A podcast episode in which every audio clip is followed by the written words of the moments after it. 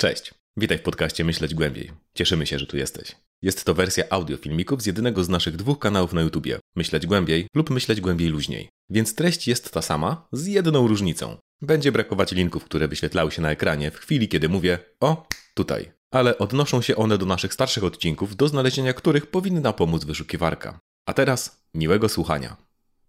Zapewne spotkaliście się już z kanałem Kurzgesagt i może myślicie, ej, myśleć głębiej, serio? Ich się będziecie czepiać w kwestii klimatu? Naprawdę nie możecie sobie znaleźć już gorszych? Chociaż łatwiej byłoby wyśmiewać kolejne pseudoargumenty denialistów, czyli ludzi zaprzeczających kryzysowi klimatycznemu, to nasuwa się pytanie. Po co?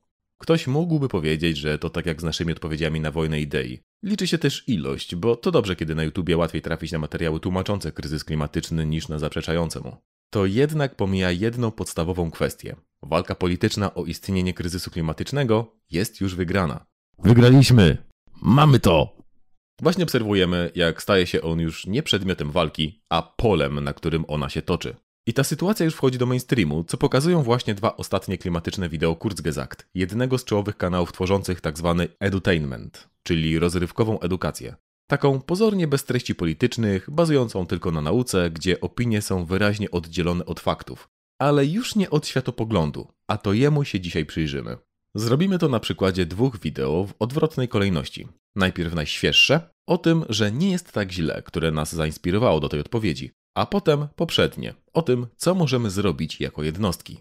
Teraz pytanie może brzmieć: Ej, myśleć głębiej. Jesteście przecież głównie kanałem filozoficznym. Co ma filozofia do kryzysu klimatycznego? Cóż, jeśli widzieliście nasze poprzednie wideo o antropocenie i kapitałocenie, to zobaczycie, że sporo. Filozofia uczy dostrzegania ukrytych założeń tego, co wydaje się naturalne i oczywiste, a w podejściu do klimatu jest ich mnóstwo. Przyglądając się im, będziemy w stanie pokazać, jak już zaczyna wyglądać walka o klimat. I mamy nadzieję, że pokażemy Wam, jak się wyczulić na takie zabiegi, aby jako ludzkość znaleźć lepsze rozwiązanie. Ale jesteśmy też wielkimi fanami demokracji. Uważamy, że potrzebujemy różnorodnych głosów, zwłaszcza w tak ważnej sprawie jak klimat. Stąd nasze wideo nie ma zniszczyć i zaorać Kurzgesagt faktami i logiką, a raczej dać wizję, która będzie istnieć równolegle, tak abyście mogli świadomie wybierać. A po drodze porozmawiamy sobie o tym, czym jest racjonalność, o hipnotyzującym wpływie cyfr oraz o przeszłościowym patrzeniu w przyszłość i przyszłościowym patrzeniu w przeszłość. Więc do dzieła!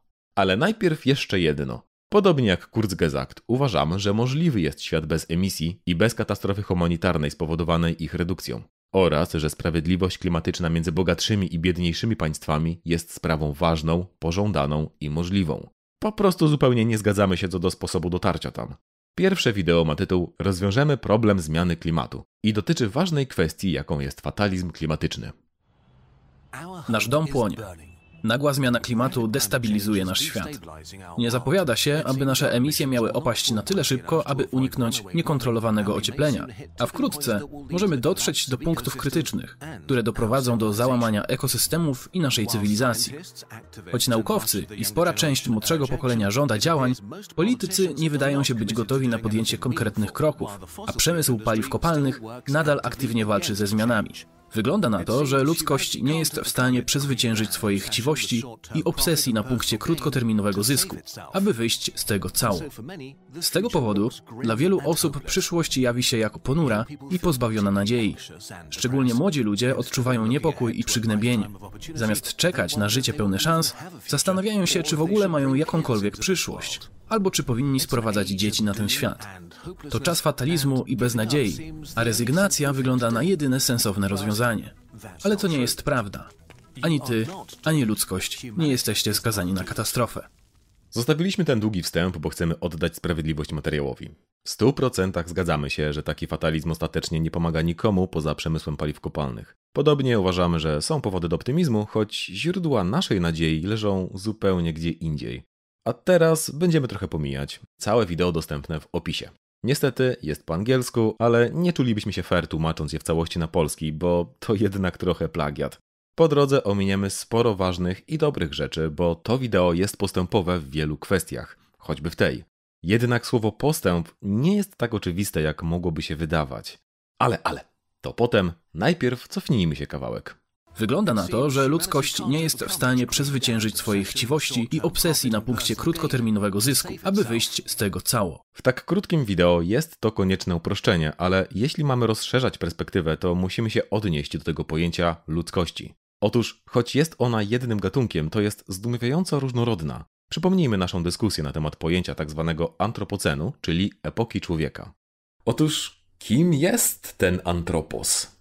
Gdybyśmy mieli, powiedzmy, borsukocen, gdzie borsuki byłyby dominującą siłą geologiczną, to nie byłoby z tym większego problemu, bo jednak borsuki szczególnie nie różnią się między sobą sposobami życia.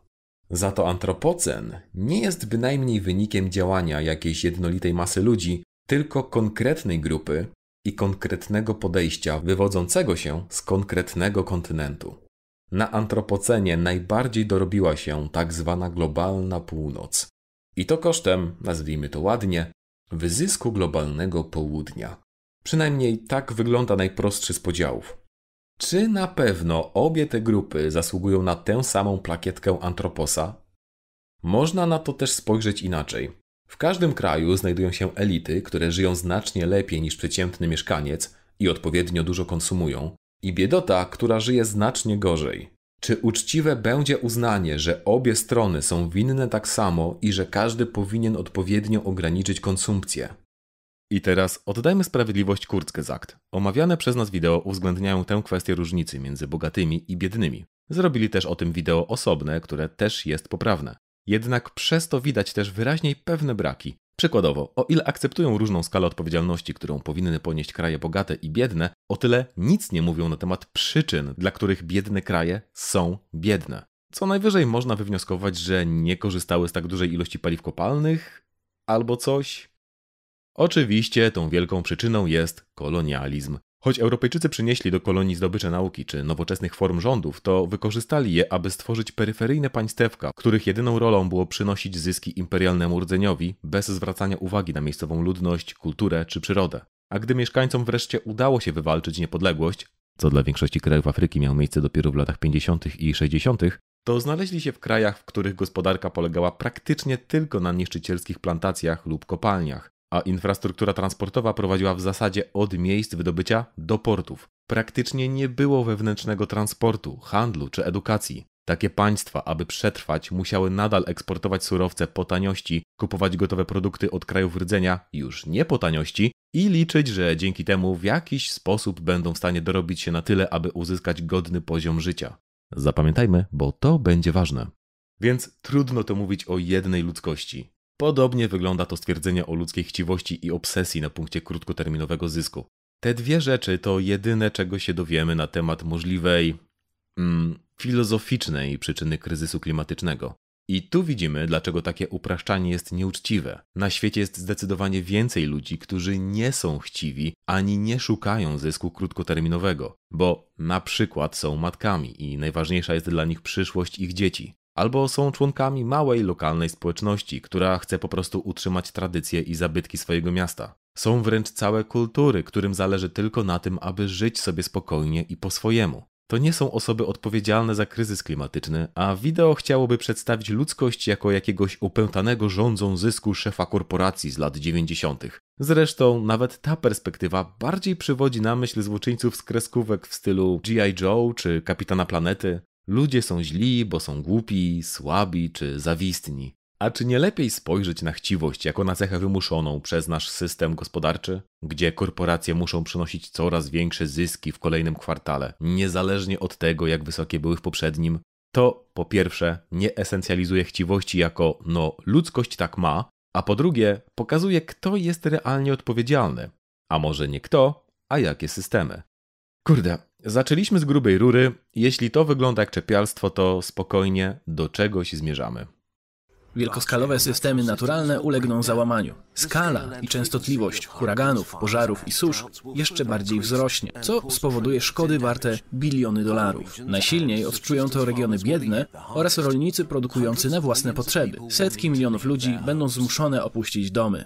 Rozmawiamy o scenariuszu plus 3 stopni Celsjusza, kiedy to setki milionów ludzi będą zmuszone do opuszczenia domów. Kiedy zajrzymy do źródeł, znajdziemy artykuł z 2019 roku z Czerwonego Krzyża, według którego do roku 2050 liczba osób potrzebujących międzynarodowej pomocy humanitarnej może ulec podwojeniu do 200 milionów.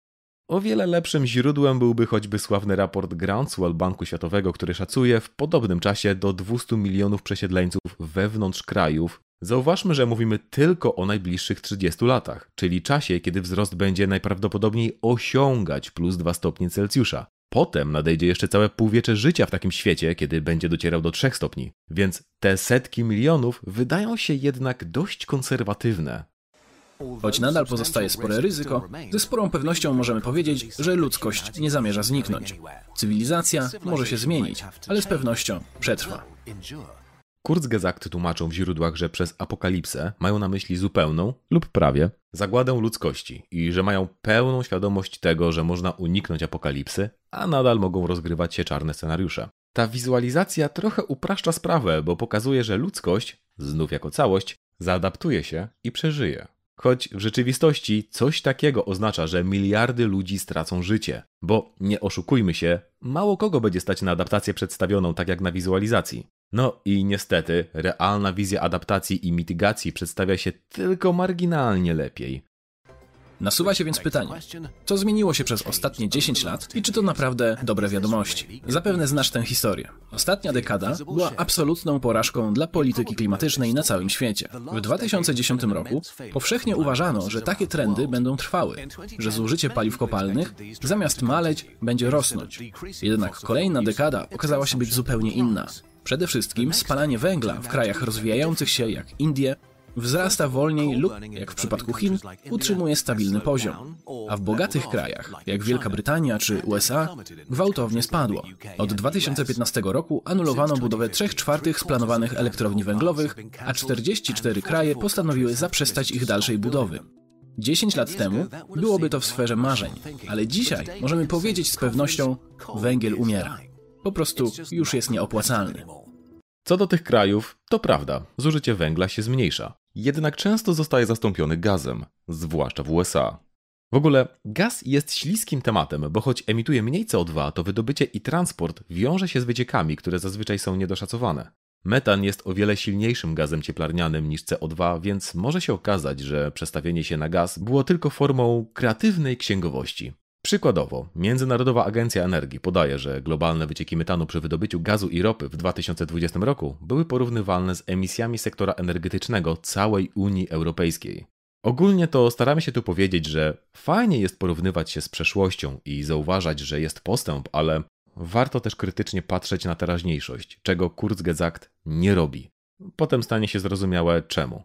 Jakby, sorki, wiemy, że dajemy dużo takich zajawek, ale po prostu będziemy zbierać kawałki wiedzy do końcówki drugiego wideo, które nam wszystko ładnie zepnie. A to dlatego, że bardzo szybko dojrzały technologie, o których myśleliśmy, że długo pozostaną drogie. Zwłaszcza odnawialne źródła energii, czyli OZE, doświadczyły olbrzymiego postępu. Jedynym z największych problemów jest to, jak zmienna bywa jej wydajność. OZE potrzebują dostępu do dużych magazynów energii, aby można było na nich polegać, choćby drogich baterii. Jednak zaskakująco ceny baterii opadły o 97% przez ostatnie 30 lat, z czego o 60% w ostatniej dekadzie, co przysłuży się przeróżnym zielonym technologiom jak samochodom elektrycznym. Ten wykres może i wygląda obiecująco, ale spodziewalibyśmy się go spotkać raczej w wideo prostej ekonomii niż czymś rzetelnie poświęconym zmianie klimatu. Problem jest taki, że to co widzimy jest zupełnie oderwane od rzeczywistości fizycznej, zaś fizyczne rzeczy mają to do siebie, że z czegoś się składają. A ta rzecz konkretnie, jak nazwa wskazuje, składa się z litu. A wydobycie litu nie jest obojętne dla lokalnych ekosystemów. Okej, okay, kilka faktów. W 2020 rozpoznane złoża wynosiły 80 milionów ton, z czego 75% znajduje się w tzw. Tak trójkącie litowym pomiędzy Chile, Boliwią i Argentyną. Wydobycie go wymaga 2000 ton wody na jedną tonę litu. A że znajduje się on często pod słonymi pustyniami, to wydobycie przyczynia się do dalszego wysuszania i tak już suchych okolicznych obszarów, co niszczy ekosystemy i zmusza rolników do migracji. Osadniki, w których lity lub odpady miesiącami odparowują, potrafią być nieszczelne, przez co toksyczne substancje dostawały się już do rzek, masowo wybijając żyjące tam ryby.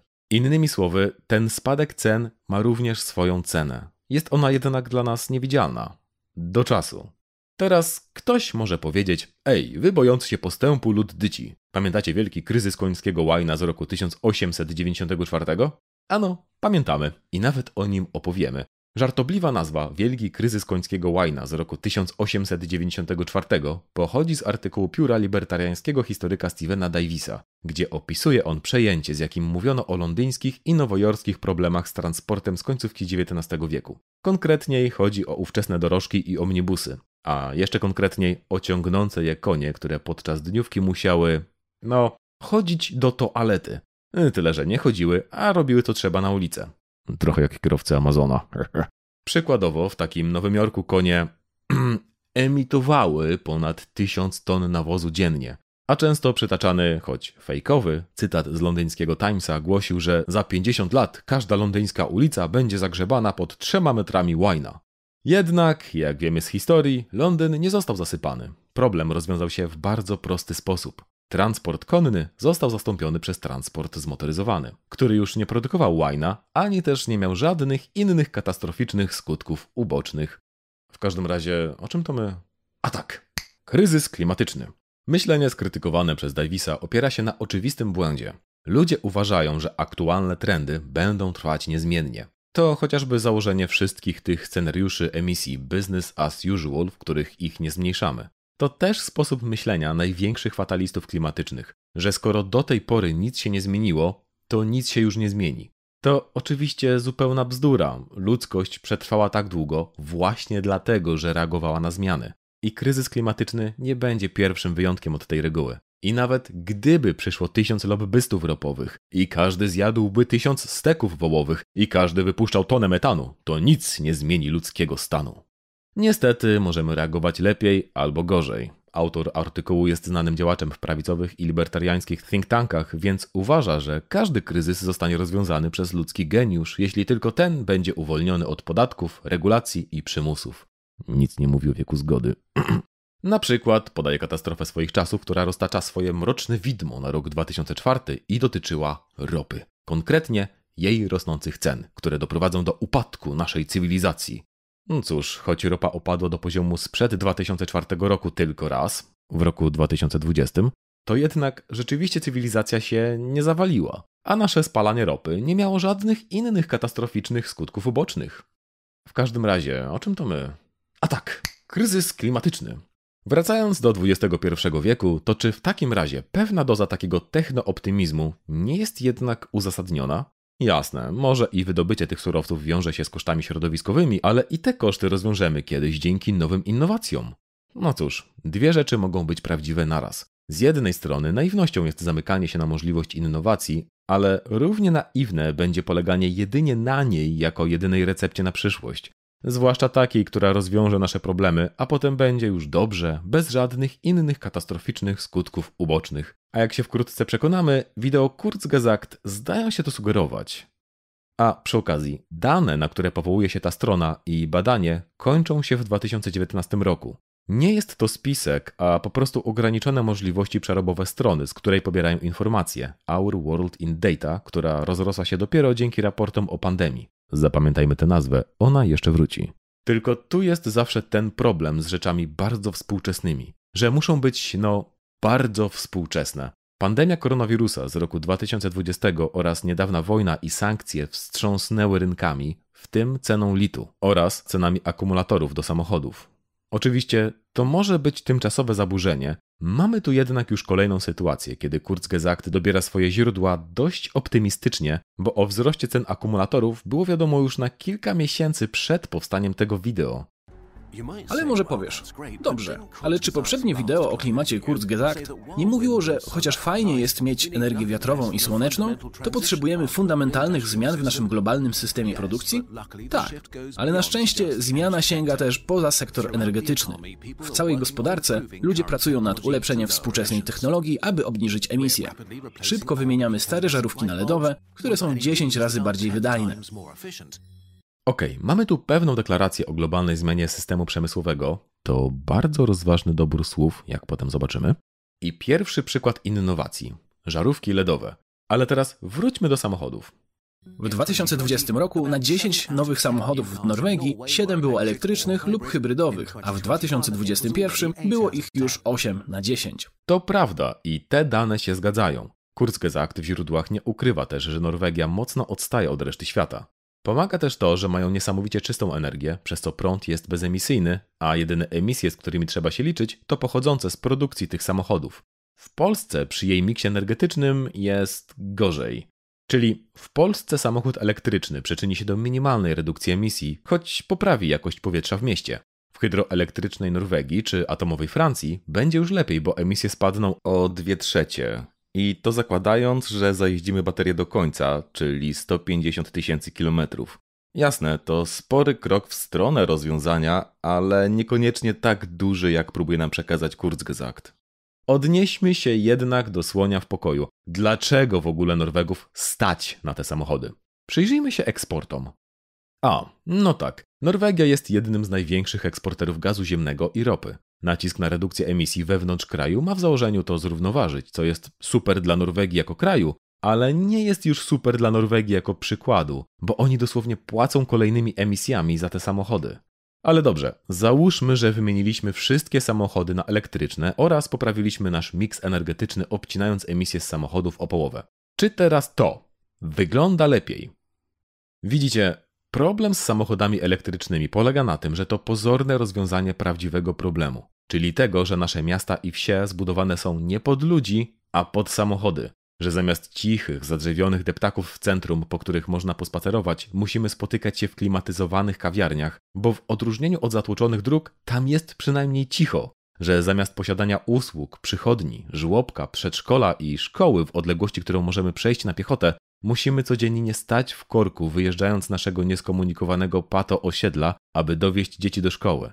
Czy wreszcie, że zamiast szybkiego i taniego transportu miejskiego musimy rozpędzać półtoratonową maszynę tylko po to, aby przewiozła jednego człowieka i parę kilogramów zakupów. To wszystko to zwyczajne marnotrawstwo energii i naprawdę drugorzędne tutaj jest, czy pochodzi ze źródeł odnawialnych, czy nie.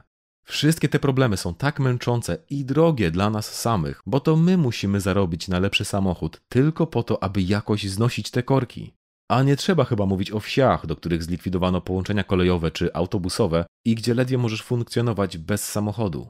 I to jeden z kluczowych aspektów rozwiązań kryzysu klimatycznego, który jest konsekwentnie pomijany w tych wideo. Duża część naszego wzrostu i bogactwa jest nie tylko marnotrawstwem, a wręcz nam szkodzi. Zużywamy dużą część naszego bogactwa, aby poradzić sobie z problemami stworzonymi przez nasze bogactwo. Cenę za to płaci system ziemski, ale i my sami, poświęcając nasz czas, zadowolenie i zdrowie. To zjawisko ma nawet swoją nazwę irracjonalność racjonalności. Otóż w naszym społeczeństwie racjonalność jest ceniona wysoko, do tego stopnia, że w zasadzie słowo racjonalne stało się równoznaczne ze słowem dobre. To olbrzymi temat, na który nie mamy tutaj czasu, więc zajmiemy się tylko jego wycinkiem i omówimy sobie cztery koncepcje, Wielkim tatusiem tego wycinka jest niemiecki socjolog Max Weber i jego książka Etyka protestancka i duch kapitalizmu z roku 1905, gdzie opisuje typ racjonalności, którego przejawem jest racjonalizacja, policzalność, standaryzacja, procedury i maszyneria zmiany tych poprzednich, która pojawiała się wszędzie i udoskonalała wszystko, czego się dotknęła. Weber widział jednak problem. Łatwiej podążać za wyznaczonymi procedurami niż je zmieniać, a to znaczy, że możemy utkwić w kawkowskim świecie zawiłych reguł, które ostatecznie będą powstrzymywać tylko same siebie. Taką sytuację nazwał żelazną klatką racjonalności.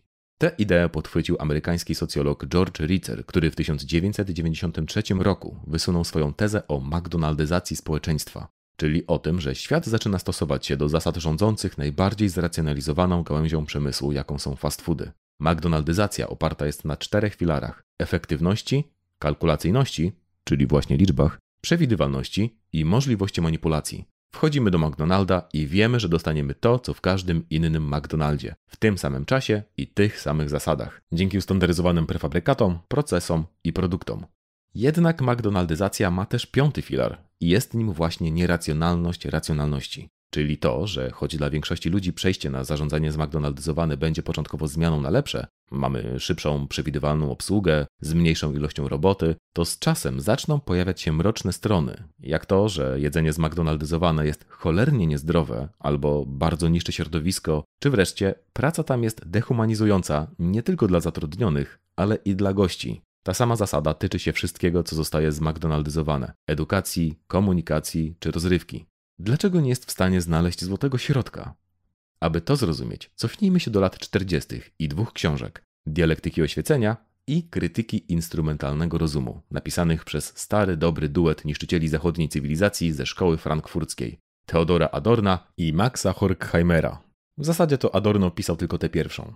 W każdym razie mówią, że oświecenie miało być okresem wyzwolenia od starych przesądów oraz otwarcia na naukę i rozum. To wpadło trochę we własne sidła. Miało wyzwolić człowieka spod panowania natury i pożądań. I w tytanicznym akcie samorefleksji opracowało do tego odpowiednią wizję racjonalności i nauki. W końcu, im bardziej człowiek panuje nad naturą i sobą, tym bardziej jest wolny. Co nie?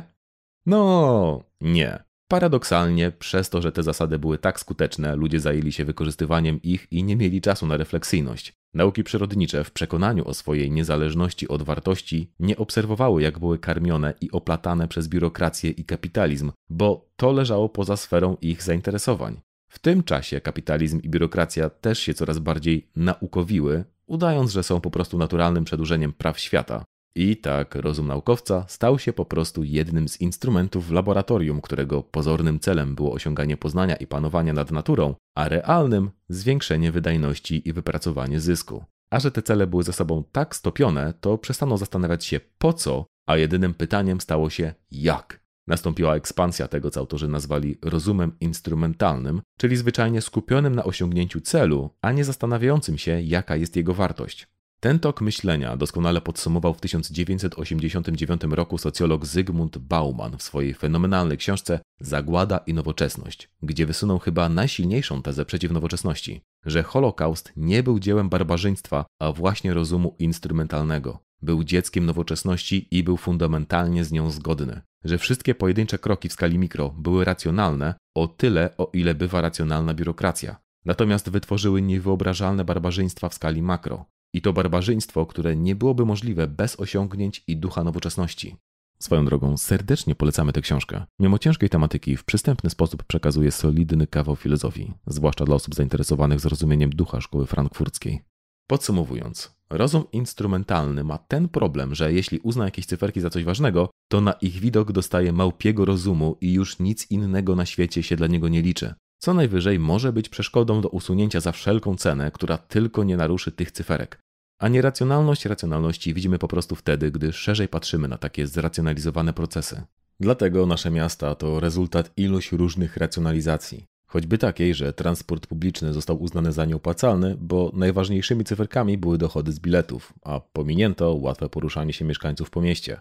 Albo takiej, że powstało nieskomunikowane osiedle, Miasto pochwaliło się cyferkami wybudowanych mieszkań, a deweloper zyskami, a pominięto dostęp mieszkańców do kluczowych usług, więc kupili oni więcej samochodów. Zwiększyła się ilość korków, więc miasto było racjonalnie przebudowywane, aby ułatwić życie kierowcom, co skłoniło jeszcze więcej ludzi do zakupu samochodów. I znów miasto mogło pochwalić się wielkimi inwestycjami w nowoczesną infrastrukturę i dzięki tym wszystkim racjonalizacjom ludzie spędzają na dojazdach więcej czasu niż wcześniej.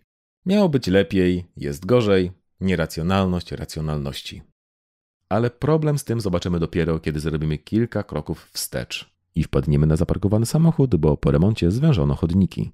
Kurzgesagt jednak nie zastanawiają się nad transformacją miast w taki sposób, aby służyły ludziom, i teraz dowiemy się czemu. A ta lista ciągnie się dalej. Od ogrzewania elektrycznego i lepszej termoizolacji po statki podróżujące z połową prędkości, aby zaoszczędzić na paliwie. Gdzie tylko nie spojrzysz, tam naukowcy, inżynierowie i przedsiębiorcy starają się rozwiązać jakiś aspekt zmian klimatu. Olbrzymie pokłady ludzkiego geniuszu badają ten problem, a coraz więcej ludzi uznaje powstrzymanie nagłej zmiany klimatu za priorytet. Pracujemy nad niskoemisyjną produkcją cementu, elektroniki i stali, a także nad sztucznym mięsem i wychwytem węgla. Czyli mamy ciężką pracę ludzi, którzy mogą przeciwdziałać zmianie klimatu naukowców, inżynierów i przedsiębiorców. A co z aktywistami miejskimi, edukatorami, badaczami społecznymi czy urbanistami? No nic, jeśli tylko zobaczymy nad czym nasi bohaterowie pracują. Niskoemisyjną produkcją cementu, elektroniki i stali, nad sztucznym mięsem i wychwytem węgla. To nie jest coś, co wymaga publicznej debaty, współpracy czy namysłu. Rozwiązania kryzysu klimatycznego są po prostu techniczne. Nie musimy zmieniać tego, co robimy, tylko robić to samo, po prostu w sposób zielony. Dlatego przedsiębiorcy znaleźli się obok naukowców, a nikt nie przejął się choćby rolnikami, bo rozwiązanie jest technologiczne oraz ekonomiczne. To już wielka czerwona flaga, bo mamy najwyraźniej do czynienia z paradygmatem tak zwanego zielonego wzrostu. Czyli właśnie róbmy to samo, ale na zielono. Tyle, że zielony wzrost to taka sama taktyka opóźniania zmiany, jak przekonanie, że będziemy w stanie przejść na energię odnawialną, ale najpierw musimy spalać paliwa kopalne. Po prostu jest jedno oczko dalej. Ale co będziemy gadać po próżnicy? Zobaczcie następny i chyba najdziwniejszy fragment pierwszego wideo. Im więcej z tych rozwiązań zastosujemy, tym tańsza staje się nowa i lepsza technologia. Im staje się tańsza, tym więcej ludzi z niej korzysta i tak dalej. I tu mamy gotowy przepis na rozwiązanie kryzysu klimatycznego. Naukowcy wymyślają, inżynierowie budują, przedsiębiorcy przedsiębiorą, a żelazne prawa ekonomii powodują, że rzeczy stają się tańsze. Tyle tylko, że coś takiego można byłoby opowiadać na zebraniu Rady Nadzorczej w jakimś korpo w latach 90. zeszłego wieku. W naszych czasach dyskurs przesunął się znacząco, przynajmniej w kręgach akademickich, gdzie absurdem jest przekonanie, że ekonomia działa w jakimś abstrakcyjnym świecie wiecznie rosnących liczb. Od dawna wiemy, że ekonomia działa tylko w granicach opisanych przez ekologię, tak jak mówiliśmy choćby o licie. Przekonanie, że ekonomia jest jak alchemia i umożliwia tworzenie wartości z niczego, jest potężnie przestarzałe i ludzie powoli zaczynają się budzić z tego, że nieskończony wzrost na skończonej planecie jest w jakikolwiek sposób możliwy. Co ważne, to wideo nigdzie nie wspomina o ekologii i ma tylko trzy krótkie wzmianki o ekosystemach lub systemach planetarnych. I za każdym razem jako coś, co kryzys klimatyczny zniszczy. To taki strasznie mechanistyczny obraz świata, w którym A oddziałuje na B i na C, jednak naszą sytuację lepiej tłumaczy nauka o systemie ziemskim oraz teoria granic planetarnych, o której mówiliśmy w naszym wideo o antropocenie. Dla przypomnienia, Główny problem z granicami planetarnymi polega na tym, że one wzajemnie na siebie wpływają. Przykładowo, ocieplenie klimatu odbywa się tak powoli, ponieważ 93% nadwyżki energetycznej jest pochłaniane przez oceany. Jednak to przyczynia się do ich zakwaszenia, a zakwaszenie i wzrost temperatur prowadzą do utraty bioróżnorodności, czego najsławniejszym przypadkiem są ginące rafy koralowe.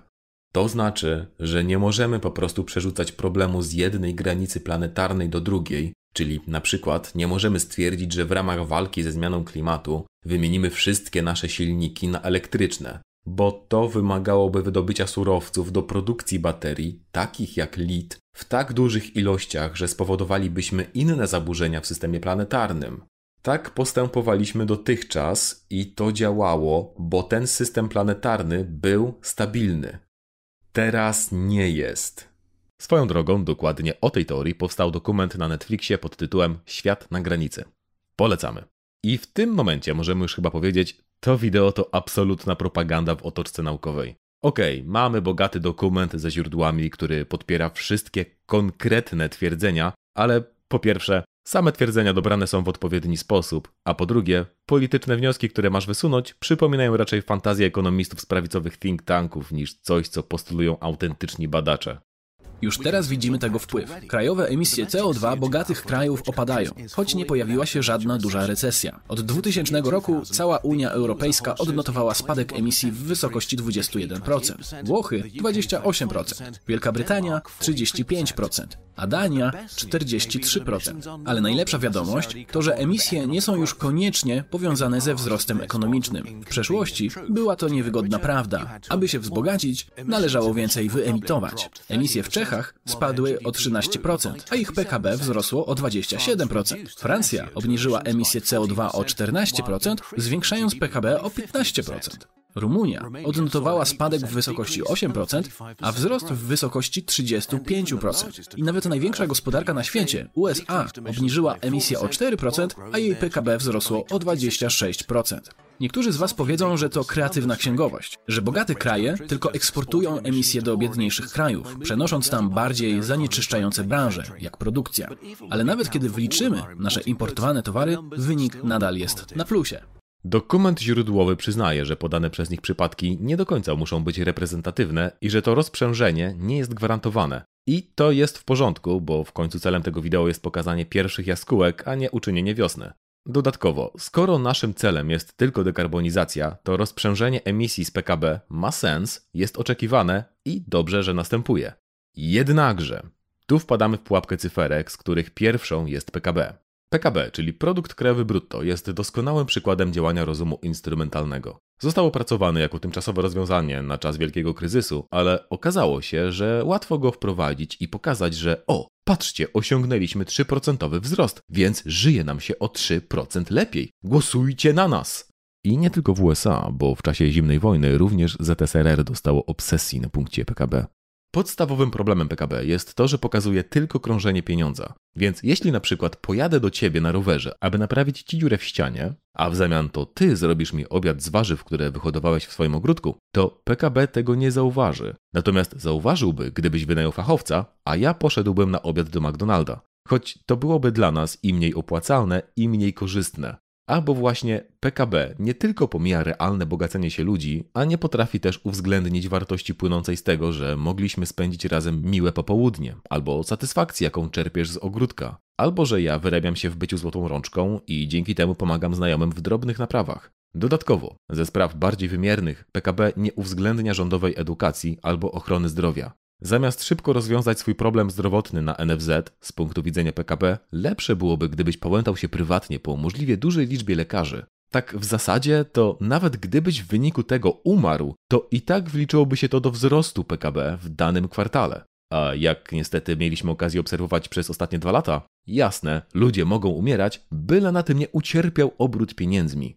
I tu wracamy do Ricera, czyli nieracjonalności i racjonalności. Kiedy tak bardzo fiksujemy się na zmaksymalizowaniu jednego czynnika, pomijamy inne, które zaczynają nam przeszkadzać. Ale że nie są przekształcone w cyferki, to racjonalizacja, czy też rozum instrumentalny, zwyczajnie je ignoruje. No, może coś trzeba zrobić, ale to zbyt skomplikowane, aby modelować. Z punktu widzenia modelu będzie to wyglądało racjonalnie, ale z jakiegokolwiek innego już nie. Ok, wrzućmy kilka przykładów. Jeśli rolnicy produkują jedzenie na własne potrzeby, to dzięki ogrodzeniu tych terenów i zrobieniu tam, powiedzmy, monokultury soi na eksport, PKB drastycznie wzrośnie, choć wzrośnie też głód. Rozum instrumentalny stwierdzi, że to impuls do jeszcze większego wzrostu PKB, aby coś zrobić z tym głodem, może grodząc pola kolejnych rolników pod kolejne monokultury soi. Donella Meadows, współautorka chyba pierwszej poważnej pracy o ekologicznych granicach ekonomii, czyli raportu klubu rzymskiego pod tytułem Granice wzrostu, pyta prosto: wzrost czego, po co, czyim kosztem, na jak długo, z jakim skutkiem dla planety i jak duży musi być, żeby zaspokoić nasze potrzeby? To już nie są pytania, które można łatwo przekształcić w rosnące cyferki. Ale dobra, wróćmy do rozprzężenia. Cyferki są fajne, ale są też bardzo ograniczone. Mowa tu o rozprzężeniu wzrostu jedynie od emisji CO2, a to trochę jakby chwalić się tym, że jesteśmy w stanie rozprzęgnąć wzrost od emisji końskiego łajna. Mówienie o samych emisjach miałoby sens, gdyby kryzys klimatyczny był jedynym zagrożeniem stojącym przed nami. Tak jednak nie jest. Więc o ile zapewne będziemy w stanie rozprzęgnąć wzrost od emisji wszystkich gazów cieplarnianych, tak rozprzęgnięcie go od zużycia surowców jest wątpliwe.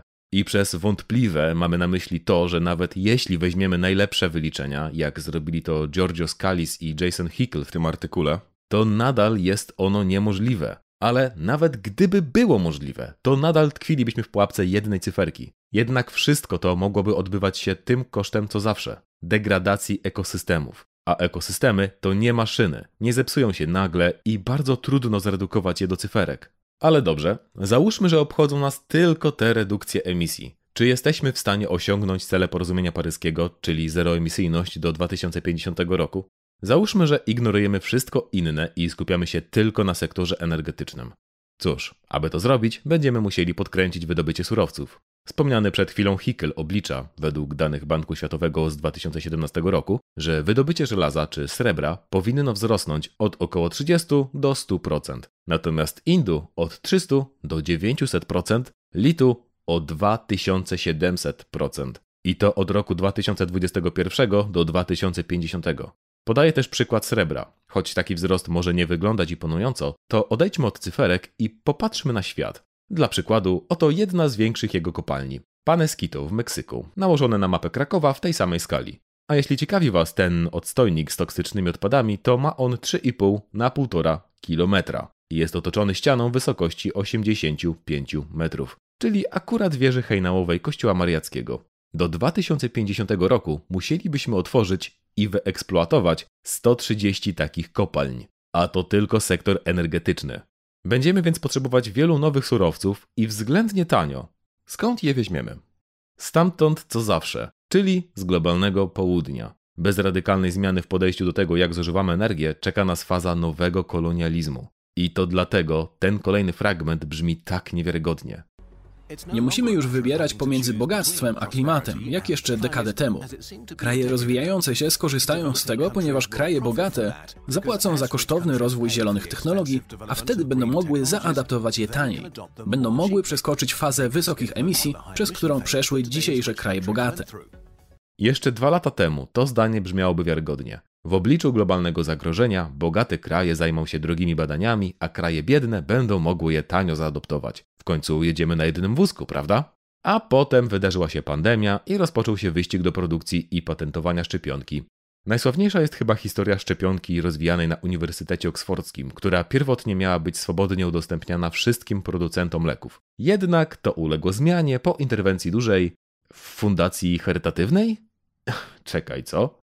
A, no tak, ta fundacja wyraziła zaniepokojenie, że w małej skali uniwersytet nie będzie w stanie samodzielnie przeprowadzić wymaganych testów klinicznych, a w dużej skali, że takie wypuszczenie patentów spowoduje spadek konkurencyjności i że bez inicjatywy rynkowej nikomu nie będzie chciało się leczyć morderczych pandemii albo coś. W konsekwencji szczepionka była rozprowadzana odpłatnie, choć 97% funduszy na jej produkcję pochodziła ze źródeł rządowych. Ale, ale, o finansowaniu pomówimy za jakiś czas. W naszych czasach dekarbonizacja to po prostu dobra decyzja biznesowa.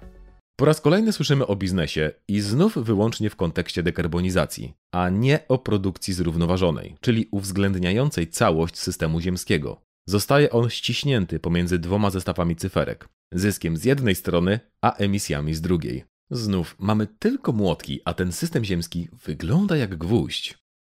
A nawet jeszcze nie mówiliśmy o takich rozwiązaniach jak wychwyt węgla. Ojej. W roku 2000 on praktycznie nie istniał. W 2022 ta technologia istnieje, a usunięcie jednej tony CO2 z atmosfery kosztuje około 600 dolarów. Gdy rozwiną się inwestycje, a technologia dojrzeje i zacznie działać efekt skali, te koszty polecą na łeb w ciągu najbliższych dekad.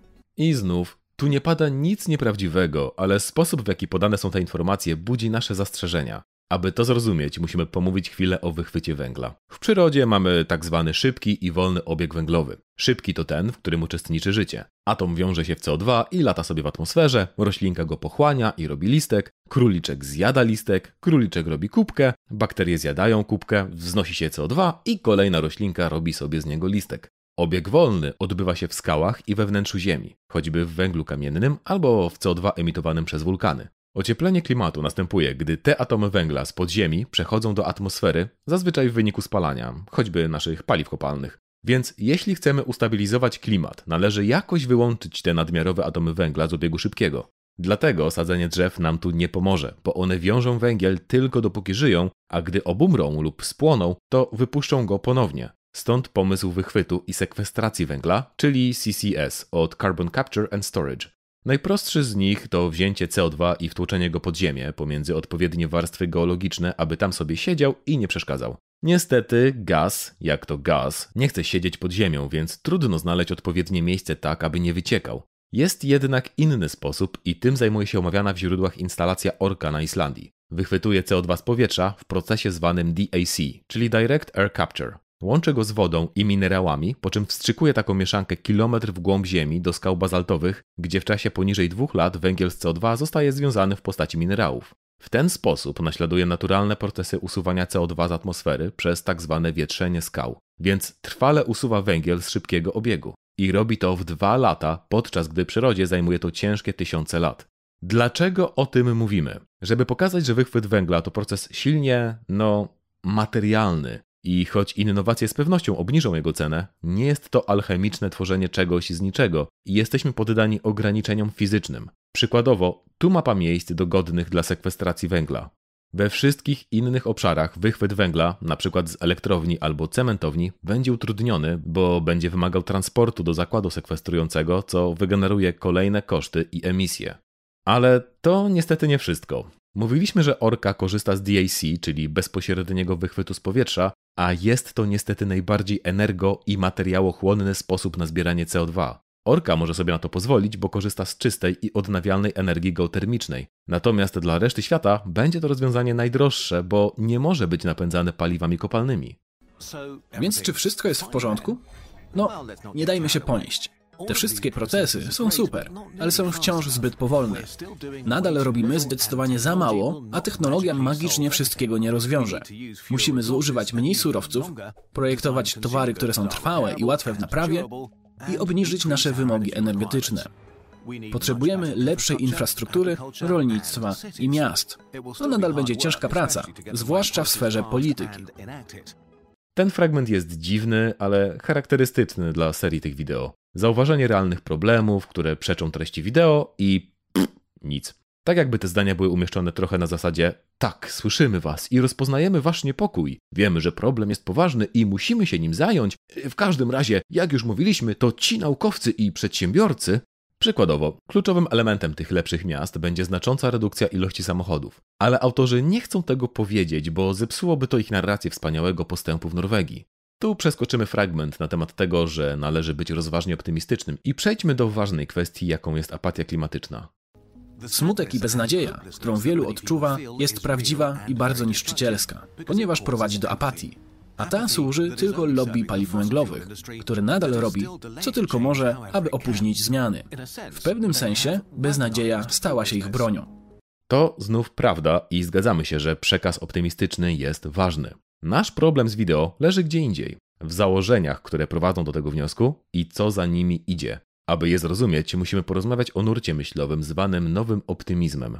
A ten mówi: Ej, mordo, rozumiem, że przejmujesz się tymi wszystkimi rasizmami, konfliktami i katastrofami, ale wiesz co? One wyglądają na takie złe tylko dlatego, że współczesne media są skupione na negatywnych informacjach. W rzeczywistości jednak, jeśli spojrzymy w przeszłość i zbadamy konkretne liczby, to świat staje się wręcz lepszy.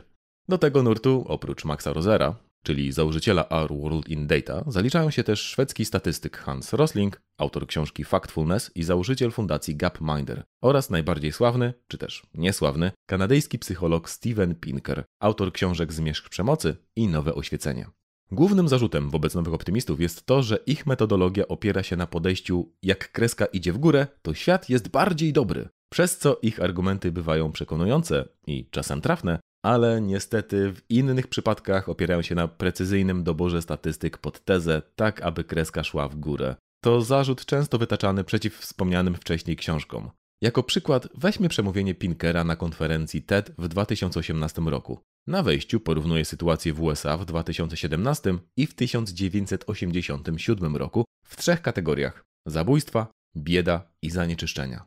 Zabójstwa są w porządku, jest trend spadkowy. Bieda już nie tak bardzo. Nie tylko jego dane wydają się być zaniżone, to jeszcze nie ma tak jakiegoś jednolitego spadku. A dokładniej, ten spadek zatrzymał się wraz z kryzysem lat 70., czyli wraz z końcem powojennej tzw. Tak złotej ery kapitalizmu. Ciekawa za to jest ostatnia pozycja, czyli skażenie smogiem i dwutlenkiem siarki. Smog spadł o 1 trzecią, okej, okay, ale ten dwutlenek siarki to jest wow, redukcja na poziomie 80%, potężny postęp. I tu leży problem z nowooptymistami. Skażenie dwutlenkiem siarki, który powodował tak zwane kwaśne deszcze, rzeczywiście było problemem, ale miało łatwe rozwiązanie technologiczne montaż filtrów na kominach. Dlatego tak ładnie wygląda w liczbach. Natomiast brakuje emisji gazów cieplarnianych, bo akurat przez te 30 lat zaliczyły górkę i w porównaniu nie wyglądałyby optymistycznie. Są prawie takie same. Wracając do biedy, to w późniejszej części przemówienia Pinker pokazuje wykres, który stał się symbolem zarazem nowego optymizmu, jak i jego krytyki. Procent ludzi żyjących w skrajnej nędzy od roku 1820 do 2015. Ten wykres, a dokładniej dwa wykresy sklejone w jeden, ostro skrytykował Jason Hickel. Po pierwsze, ta czerwona linia, czyli pierwszy wykres, nie dotyczy nędzy, tylko PKB a zwyczajnie nie mamy danych, aby oszacować PKB na świecie w 1820 roku. Hickel pisze o użytym zbiorze danych. Dla całej Azji i Ameryki Łacińskiej zawiera dane tylko z trzech krajów przed rokiem 1900. Dla Afryki żadnych danych do 1900 roku i tylko z trzech krajów przed 1950. To nawet nie jest statystyka, to ma tylko wyglądać jak statystyka. Okej, okay. Po drugie, skrajna nędza jest tu niezależna od kraju i wynosi 1 dolara 90 centów na dzień. Gdyby odnieść ją do Polski, to tak jakby z jednej pensji minimalnej utrzymywać ośmioosobową rodzinę. Aha, i nie można nic sobie hodować, znajdować ani niczego dostawać, bo w tych kalkulacjach to jest liczone jako dochód. Ale może ktoś stwierdzi, że to nie ma przełożenia na biedniejsze kraje, gdzie koszty utrzymania są niskie.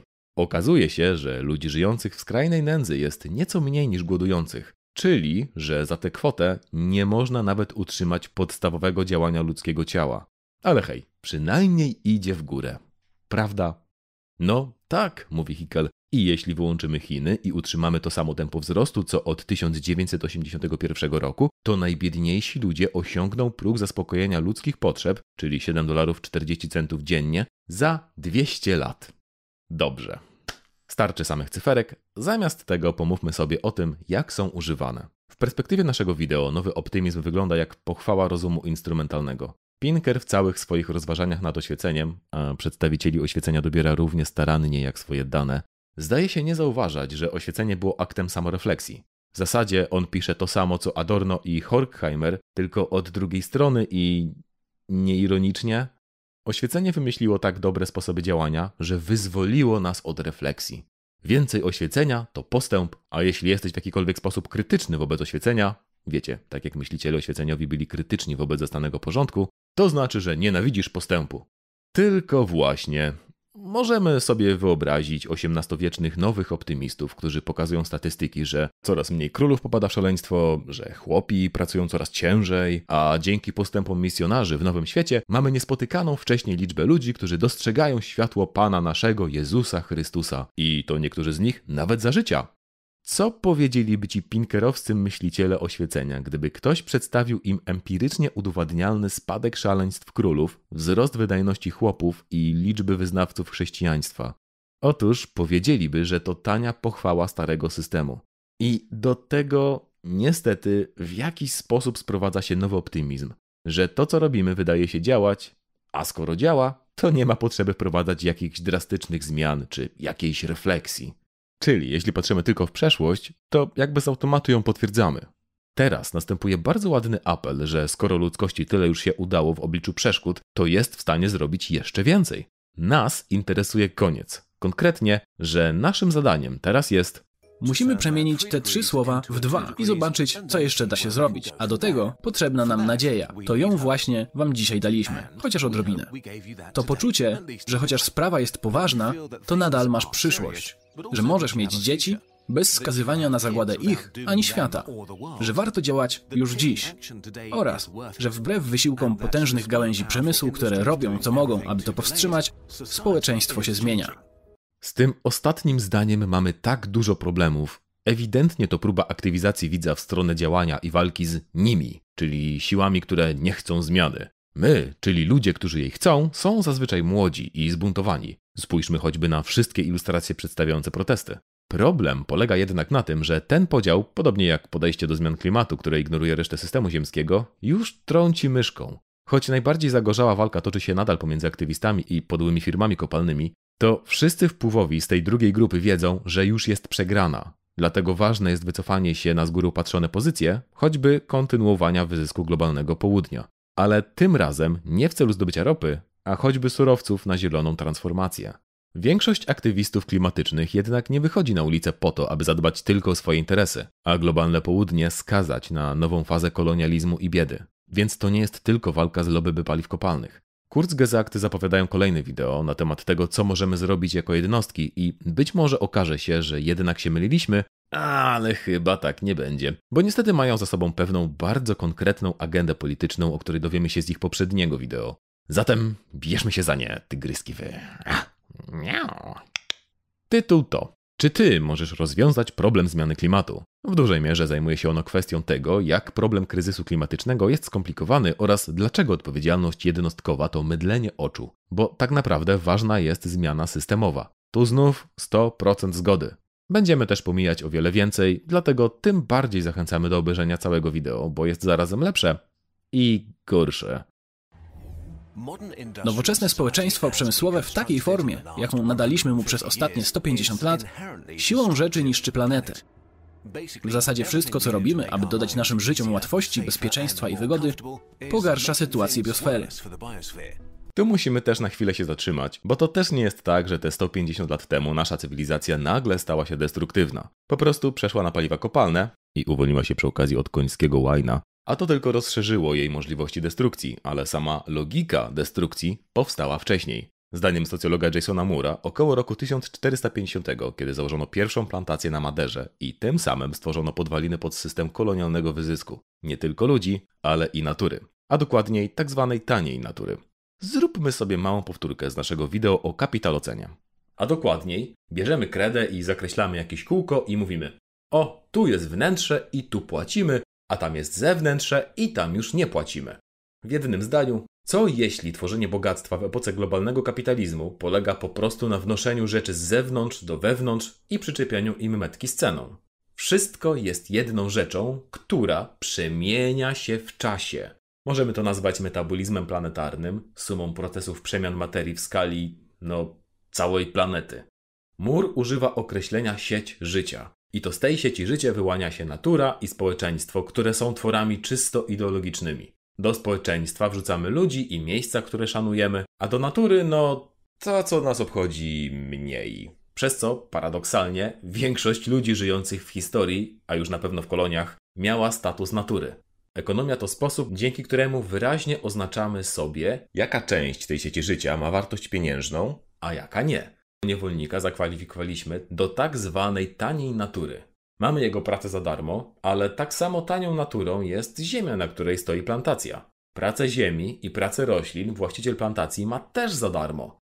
Przez ostatnie 150 lat zmieniło się tyle, że zaczęliśmy traktować atmosferę jako tanią naturę i trochę nam się skończyła.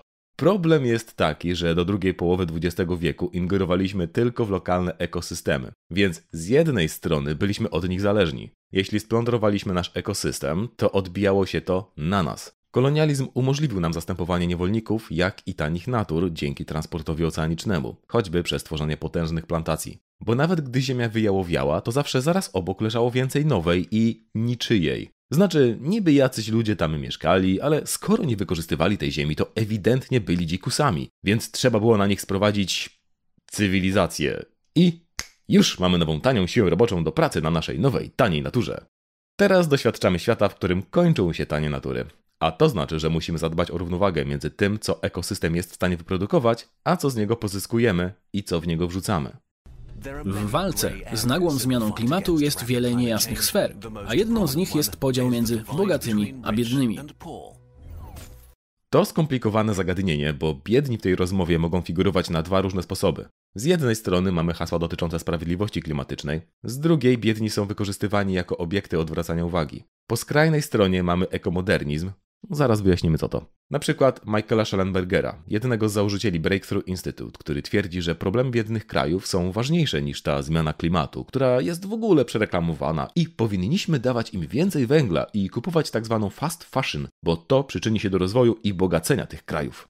Oczywiście Kurzgesagt nie są tak bliscy denializmu, ale nadal uważają, że aktualnie działający model jest do obronienia i że w końcu spowoduje wzbogacenie się tych biednych krajów. Dlatego należy pilnować, czy proponenci tego systemu każą nam zadbać o te biedne kraje, czy też dają im głos, autonomię i pozwalają im wysnuć swoje własne żądania. Zobaczymy pod koniec. Wkrótce będziemy musieli wykarmić 10 miliardów ludzi, a nie wiemy jak to zrobić bez emitowania gazów cieplarnianych. Z samej natury nowoczesnego rolnictwa, które wymaga nawozów naturalnych lub sztucznych, niemożliwe jest osiągnięcie bezemisyjnej żywności. Dwa segmenty temu mówiliśmy, że też należy zadbać o równowagę między nami a ekosystemem. Natomiast nowoczesne rolnictwo to nie jest to. Dla jasności, chociaż mówimy nowoczesne, to proces Habera-Boscha umożliwiający produkcję nawozów sztucznych ma przeszło 100 lat. W porównaniu z współczesną wiedzą biologiczną, rolnictwo jako monokultury, czyli takie wielkie doniczki, które wymagają nawozów i pestycydów, aby w ogóle jakkolwiek działać, jest dość anachroniczny. To znowu ten stary paradygmat ujarzmienia natury. Za to radzi sobie dobrze w dwóch wymiarach McDonaldyzacji i wzrostu. Bo widzicie, wykarmienie świata nie byłoby problemem, zwłaszcza gdyby wziąć pod uwagę praktykę zwaną agroekologią, czyli takie bardziej nowoczesne rolnictwo, które zamiast walczyć z naturą, aktywnie ją wykorzystuje. Nie wymaga nawozów, ani nawet orki, a po kilku latach koszty upraw znacząco spadają. Odporność na klęski żywiołowe wzrasta, a to wszystko przy znacznie wyższej wydajności plonów na hektar. Niestety działa zupełnie inaczej niż nowoczesne rolnictwo we wspomnianych wymiarach McDonaldyzacji i wzrostu. Produkty są bardziej sezonowe i zróżnicowane, a to powoduje, że bardziej nadają się do jedzenia i handlu na lokalnych bazarkach niż do wielkoskalowego skupu. A że do tego taki rolnik nie kupuje nawozów, pestycydów ani nasion, to jest szkodliwy dla PKB. Jasne, moglibyśmy w ten sposób uratować wielu ludzi przed głodem, ale jaką cenę musielibyśmy ponieść? W ogóle mówienie o wykarmieniu ludzi brzmi ładnie, ale jest niekompletne bez ważnego hasła suwerenności żywieniowej, czyli tego, aby państwa i społeczności były w stanie same się wykarmić i nie były uzależnione od globalnego rynku żywnościowego czy rolniczego, bo to daje bogatszym krajom czy korporacjom sposób na wywieranie potężnego wpływu na te państwa. Czyli znów nie chodzi o to, aby płakać nad tymi biednymi krajami i tłumaczyć im, jak mają się wykarmić, a dać im głos i możliwość decydowania. Tak samo jest w przypadku innych rzeczy, które są mniej ważne dla naszego przetrwania, ale nie możemy realistycznie się ich pozbyć, jak podróże samolotami, transport oceaniczny, kopalnie i produkcję urządzeń, które odtwarzają filmiki z YouTube. Więc co to znaczy? Czy mamy zrezygnować z naszej stopy życiowej i uniemożliwić biednym dotarcie do niej? Czy jakaś technologia nie będzie w stanie nas zbawić, abyśmy mogli nadal jeździć wielkimi samochodami i jeść codziennie mięso? I tu przechodzimy do sedna. Mamy dualizm albo naszego stylu życia, który podobno jest bogaty, i konieczność rezygnacji z niego, albo technologię, która umożliwi nam jego kontynuację. Jak widzimy, utknęliśmy w pułapce racjonalności. Jest tylko jeden sposób życia i jedno dobro wzrost. Więc, aby go podtrzymać, musimy zamienić zestaw jednych cyferek, czyli PKB, na inne, czyli ujemne emisje. Jednak zapominamy o sytuacji prawdziwej racjonalności, czyli zrobienia kroków wstecz i przeanalizowania, dlaczego znaleźliśmy się w tej sytuacji, myślenia jakościowego, a nie ilościowego. W teorii już coś takiego istnieje. Technologia DAC, czyli wychwyt dwutlenku węgla z atmosfery. Ściąga go z powietrza, abyśmy mogli przechować go pod ziemią lub przerobić na produkty. Więc czemu nie stosujemy jej w każdym przemyśle i miejscu? Bo przy aktualnie posiadanej technologii kosztowałoby nas to jakieś 10 bilionów dolarów na rok, czyli połowę PKB USA. W tych wideo ikonka wychwytu węgla to właśnie DAC, czyli rozwiązanie oczywiście możliwe i zapewne potrzebne, ale też najbardziej energochłonne. To dobry powód, aby pomówić sobie o źródłach nadziei, a konkretnie o tym, gdzie poszukują jej wcześniej wspomniani ekomoderniści. W roku 2015 powiązany z ekomodernizmem think tank Breakthrough Institute opublikował manifest ekomodernistyczny. Mówi on o antropocenie jako o szansie na to, aby ludzkość zarazem zapewniła dobrobyt sobie, jak i zadbała o naturę. Dzięki postępowi technicznemu wzrost populacji opada, podobnie jak zużycie surowców, ludziom na całym świecie żyje się coraz lepiej i nie ma powodu uważać, żeby ten trend miał się zatrzymać. Oczywiście są pewne problemy, jak zmiana klimatu, ale one ostatecznie nie są aż tak znaczące. Wkrótce bowiem osiągniemy tak zwany decoupling, czyli wzrost ekonomiczny przy jednoczesnym zmniejszeniu zużycia surowców, dzięki czemu będziemy w stanie oddawać coraz większe połacie ziemi przyrodzie, podczas gdy ludzie będą mieszkać w ekologicznych i przyjaznych miastach. Problem paliw kopalnych można łatwo rozwiązać przy pomocy techniki i odpowiednich regulacji z uwzględnieniem tego, żeby kraje rozwijające się osiągnęły poziom cywilizacyjny krajów rozwiniętych. Podsumowując cytatem, piszemy ten tekst w przekonaniu, że wiedza i technologia mądrze stosowane są w stanie doprowadzić nas do dobrego, jeśli nie wspaniałego antropocenu. W postwzrostowej odpowiedzi na manifest ekomodernistyczny badacze środowiskowi, społeczni i ekonomiczni przekonują, że ekomoderniści nie są ani eko, ani nowocześni, a co najwyżej modernistyczni. Wypunktujmy sobie główne zarzuty, bo przydadzą nam się później. Manifest zakłada, że wzrost jest czymś naturalnym. Ekomoderniści wierzą w rozprzężenie wzrostu i wpływu na środowisko. Czy technologia jest problemem, czy rozwiązaniem? Ekomoderniści nie mogą się zdecydować. W przeszłości technologia zniszczyła środowisko, ale w przyszłości je uratuje. W jaki sposób? Bo w przeszłości byliśmy głupi, ale w przyszłości będziemy mądrzy. Czy coś, bo nie precyzują, jak to się stanie. Ekomodernizm nie jest zbyt eko. Ignoruje wszystko, co wiemy o ekologii i termodynamice. Głównie o tym, że wszystko ma granice oraz o współcześnie wyrządzanych szkodach. Manifest ma wąski, nietrafny i wybielony obraz nowoczesności i rozwoju. Europejski model rozwoju jest jedynym możliwym, a nowoczesność nie przyniosła żadnych bolączek, których nie da się rozwiązać techniką, wbrew temu co gadały jakieś Webery, Ritzery czy Baumany. Ekomodernizm podchodzi protekcjonalnie do społeczności przedprzemysłowych, rolniczych, nieuprzemysłowionych i globalnego południa. One wszystkie są niecywilizowane i należy im przynieść nowoczesność, która będzie scentralizowana, odgórna i jedna dla wszystkich. Manifest cierpi z powodu błędów rzeczowych i wprowadzających w błąd stwierdzeń. Trzy czwarte wylesienia odbyło się przed rewolucją przemysłową, co może brzmi fajnie, póki nie uświadomimy sobie, że w przeciągu ostatnich 250 lat zniszczyliśmy jedną trzecią tego, co przez resztę istnienia Homo sapiens, czyli poprzednie 200 tysięcy lat. Podsumowując, ekomodernizm wygląda jak zwyczajnie mydlenie oczu techniką, a wideo, które omawiamy, czasem niekomfortowo blisko go dotykają.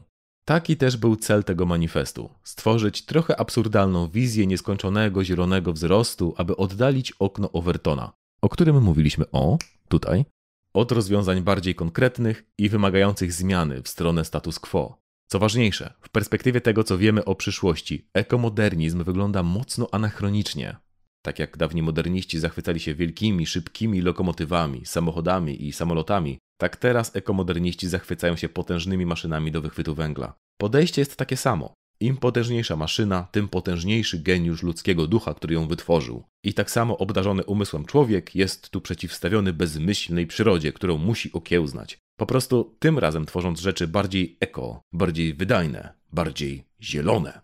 Przestajemy patrzeć przez perspektywę cyferek pokazujących moc maszyny, a skupiamy się na wydajności energetycznej, jednak nadal ignorujemy wszystko wokół, co nie jest poddane temu celowi. I znów jesteśmy w krainie cyfr, gdzie jedynym ograniczeniem dla DAC są pieniądze. Rzeczywistość, jak pamiętamy, jest inna. Potrzebujemy technologii, aby bezpiecznie wychwytywać CO2 z powietrza, ale też miejsc, by je bezpiecznie przechowywać i wreszcie potrzebujemy czystej energii w ilościach wystarczająco dużych, aby były w stanie napędzać naszą gospodarkę oraz DAC. Tymczasem drogie rozwiązania jak wychwyt węgla odkłada się na później, bo technicznie nikt na nich teraz nie skorzysta. Niektórzy mówią, że jedynym rozwiązaniem jest odejście od kapitalizmu, a inni naciskają, że rynki powinny być jeszcze bardziej wolne, bez takich interwencji jak subsydia. A jeszcze inni sugerują, że potrzebujemy tak zwanego dewzrostu, czyli żebyśmy ogólnie ograniczyli się jako gatunek. Okej, okay. kto w tym momencie jęknął ręka do góry? Normalnie staramy się nie zwracać za dużej uwagi na to, co jest w wizualizacjach, ale ta jest szczególna. Choć wydaje się, że pokazuje dwie strony tego samego spektrum, to daje nam wybór. A więc, drodzy widzowie, co wolicie? Koszyk na zakupy i kręcące się pieniążki? Czy e, zniszczenie kapitalizmu przez wybuch atomowy? To wręcz wygląda jak te pseudo-głosowania na Facebooku, gdzie dla jednej opcji masz wybrać lajka, a dla drugiej wrr. Czy jesteś ptaszkiem neutralnym, czy gniewnym? Podobne uprzedzenia widać w źródłach, gdzie autorzy co prawda piszą, że to wrażliwy temat i że nie będą w stanie wyjaśnić go w całości, a tylko przedstawią kontekst. Jednak źródła są podobnie uprzedzone. Mówią albo o rozwiązaniach wolnorynkowych, albo o odejściu od kapitalizmu przez nacjonalizację produkcji paliw kopalnych. Uczciwiej byłoby chyba powiedzieć o różnych koncepcjach ekosocjalistycznych. Ale panie, gdzie tam ekosocjalizm? Bo widzicie, to i tak nie był najgorszy moment tego segmentu. Ten zaszczyt przypada opisowi dewzrostu, czy też postwzrostu, jak ten termin przyjął się w polskiej literaturze, który jest, no, cholernie nieuczciwy, choć na poziomie słów wydaje się ok. To trochę jakby zdefiniować feminizm jako sposób na uzyskanie równości płci przez przydzielenie dodatkowych przywilejów kobietom. No, opis jest zgodny z nazwą i jakaś część feminizmu tym się zajmuje, ale jeśli jest to wasz pierwszy kontakt z tym pojęciem, to już zostaliście zaprogramowani negatywnie. Podobny problem jest ze źródłami. Opis postwzrostu w nich to uważają, że nie możemy równocześnie zwiększać zużycia surowców oraz chronić planetę przed degradacją środowiska. Zamiast tego rozwiązaniem jest ograniczenie, a nawet odwrócenie naszego wzrostu. A wybrany cytat ze strony Degrowth Info to potwierdza. Tyle, że nie mówi o tym, czym degrowth jest, a to można przeczytać już na stronie głównej bez szukania.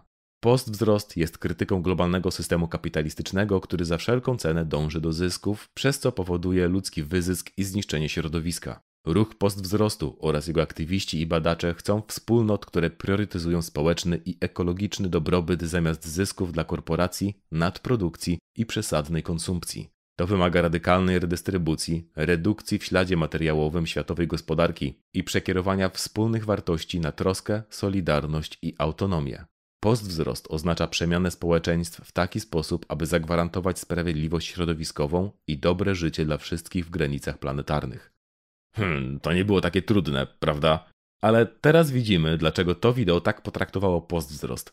Jest on zwyczajnie jego politycznym wrogiem. Kurzgesagt postulują wzrost PKB i nową, lepszą technologię, aby wszystko rozwiązać. Zaś postwzrost twierdzi, że musimy zmienić nasze cele. Czyli postwzrost to jeden z pomysłów na to, aby spojrzeć na sytuację, w której się znajdujemy racjonalnie. I to realnie racjonalnie, a nie instrumentalno-racjonalnie. Okej, okay, o ile postwzrost może oznaczać redukcję, to dotyczy ona głównie PKB i nie jest celem postwzrostu, a możliwym efektem ubocznym. Podstawowym założeniem postwzrostu jest to, że musimy odpuścić sobie szaleństwo na punkcie, no, wzrostu i trzymanie kciuków, że przeciętnemu Kowalskiemu coś z tego skapnie. Że dla wczesno-dwudziestowiecznego podejścia, według którego wzrost magicznie przełoży się na dobrobyt ludzi, nie ma już miejsca w XXI wieku. Że możemy o wiele bardziej racjonalnie wykorzystać nasze środki i stworzyć gospodarkę, która będzie służyć ludziom. Postwzrost pyta, może nie potrzebujemy całego przemysłu kawiarenek, kafejek i innych pubów, z których większość istnieje tylko dlatego, że są jedynym miejscem, gdzie można się spotkać w mieście zawalonym samochodami? Ale hej, przynajmniej elektrycznymi. A może zamiast siedzieć w klimatyzowanej przestrzeni, można byłoby ten czas spędzić spacerując wśród drzew, w cichych ulicach w centrum z minimalnym ruchem, że można łatwiej zaspokoić potrzeby człowieka. A właśnie, potrzeby. Współczesny kapitalizm nie zaspokaja potrzeb człowieka, tylko je wykorzystuje. Czy w reklamach Twojego telefonu nie było, jak potrafi uwiecznić Twoje chwile z bliskimi? A i tak siedzisz i przewijasz te same cztery aplikacje. O, reklama piwa, która pokazuje, jak wspaniale bawicie się z paczką znajomych. Co prawda, znowu nie wyszło ugadanie się na planszówki, bo nie zgrały wam się grafiki, więc to piwo zejdzie do Netflixa. No, miałeś robić coś innego, ale ostatnie dni jakoś nie masz siły nic robić po pracy. No, raczej miesiące. Tego piwa też nie można wypić za dużo, bo koliduje z niedawno przepisanymi ci łagodnymi środkami na zaburzenie depresyjno-lękowe. Okazało się, że masz jakąś nierównowagę hormonalną w mózgu, w wyniku której czujesz się źle, kiedy 8 godzin dziennie spędzasz w biurze otwartym, wypełniając tabelki w Excelu. Ale hej, przynajmniej mamy wzrost, nie? I tu postwzrost zbliża się do wniosków płynących z teorii tanich natur. Tak jak kolonizujemy całą naturę, aby wyciągnąć z niej resztki tego, co opłacalne, tak kolonizujemy też społeczeństwo i samych siebie. W tych czterech apkach zawierają się serwisy społecznościowe, które zarabiają na reklamach, dokonując hydraulicznego wydobycia resztek milisekund Twojej uwagi. Może sprzedając Ci jakieś apki wellnessowe lub programy coachingowe, abyś mógł być jeszcze bardziej produktywny i przysłużyć się wzrostowi. I tak mamy wycieńczone ekosystemy, a w nich wycieńczone społeczeństwa wycieńczonych ludzi. Ale hej, przynajmniej mamy wzrost. Nie? A przecież wznosząca się fala wznosi wszystkie łodzie. Lada chwila stanie się lepiej, mieszkania będą bardziej dostępne. Nie będziesz musiał już tyle pracować. Wreszcie będziesz miał czas spotkać się ze znajomymi. Postwzrost mówi, więc zróbmy te rzeczy już teraz. Jeśli najlepiej czujesz się spędzając czas z przyjaciółmi, to zorganizujmy społeczeństwo tak, aby można było to robić w miarę łatwo, bez konieczności codziennego jeżdżenia dwutonowym pudełkiem do centrum, aby siedzieć 8 godzin w klimatyzowanym wieżowcu i zamawiać jedzenie na wynos, tylko po to, aby wyprodukować więcej dwutonowych pudełek, więcej klimatyzowanych wieżowców i taniego jedzenia na wynos. Bo gospodarka tego potrzebuje. A gospodarka tego potrzebuje, abyśmy byli w stanie dokonać postępu i być w stanie robić to samo, tylko bez emisji. Więc koncepcje takie jak postwzrost to przyszłość i zmiana. A teraz posłuchajmy fragmentu, który jest wręcz pochwałą tego, jak bardzo zmiana nie jest możliwa. Ale prawda jest taka, że przynajmniej teraz żadnemu systemowi politycznemu nie wychodzi życie w zgodzie z planetą. Ani teraz, ani w przeszłości. Nie mamy też czasu, by to rozpracować i robić różne eksperymenty. Musimy już teraz wprowadzić rozwiązania. Nie tylko, aby powstrzymać emisję wszelkich możliwych gazów cieplarnianych, ale również, aby obniżać CO2 już obecne w powietrzu. Już jest za późno, aby po prostu poprawić nasze zachowanie. Musimy aktywnie skorygować nasze przeszłe błędy. A z każdym zmarnowanym rokiem coraz trudniej będzie unikać drastycznych zmian. Dobrze, weźmy głęboki oddech. Nagła zmiana klimatu i świat, w którym żyjemy, są skomplikowane. I tutaj wchodzisz do gry ty, drogi widzu. Czy ty mógłbyś proszę naprawić klimat? Czyli nie mamy czasu, aby się cofnąć i aby to przemyśleć. Musimy działać teraz, więc musimy działać po staremu. Teraz jest fragment o tym, jak odpowiedzialność indywidualna nie działa. Absolutnie się zgadzamy i nie mamy żadnych zastrzeżeń, więc pozostawimy tylko dwa, naszym zdaniem, najważniejsze punkty.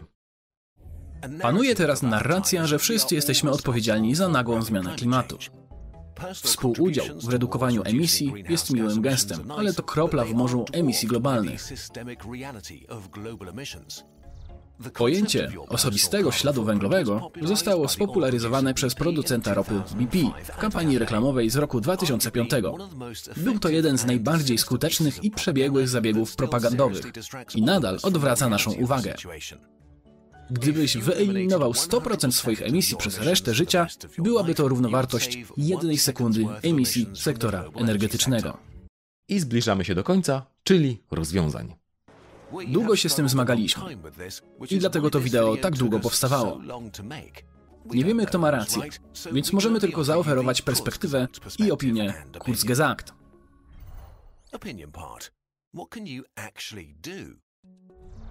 Potrzebujemy nowego sposobu, aby myśleć i mówić o nagłej zmianie klimatu, całościowego, systemowego podejścia, czyli zmianę podstaw naszych współczesnych społeczeństw przemysłowych.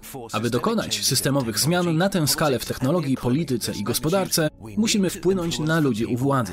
Politycy muszą się usłyszeć i poczuć, że dla ludzi to ważna kwestia oraz że ich sukces zależy od poradzenia sobie z nagłą zmianą klimatu. Kiedy rządy i lokalni politycy ociągają się ze zmianami praw, które wpływają na ich największych płatników podatkowych i darczyńców, musimy ich wyrzucić, głosując na ludzi, którzy szanują naukę. Ten ostatni fragment jest taki ciężki, ale do niego wrócimy pod koniec. Ciągle w grafice mamy DAC. Skoro wcześniej mówiliśmy o ekomodernistach, ich potężnych maszynach i wizji przyszłości, która trąci myszką, to teraz spójrzmy na coś innego. Na Solarpunka, Solarpunka niełatwo opisać. To nurt na pograniczu filozofii, sztuki i aktywizmu. Określenie punk nawiązuje do cyberpunka i steampunka, ale w odróżnieniu od nich nie skupia się ani na cyberpunkowej technologicznej dystopii, ani na steampunkowym wiktoriańskim status quo.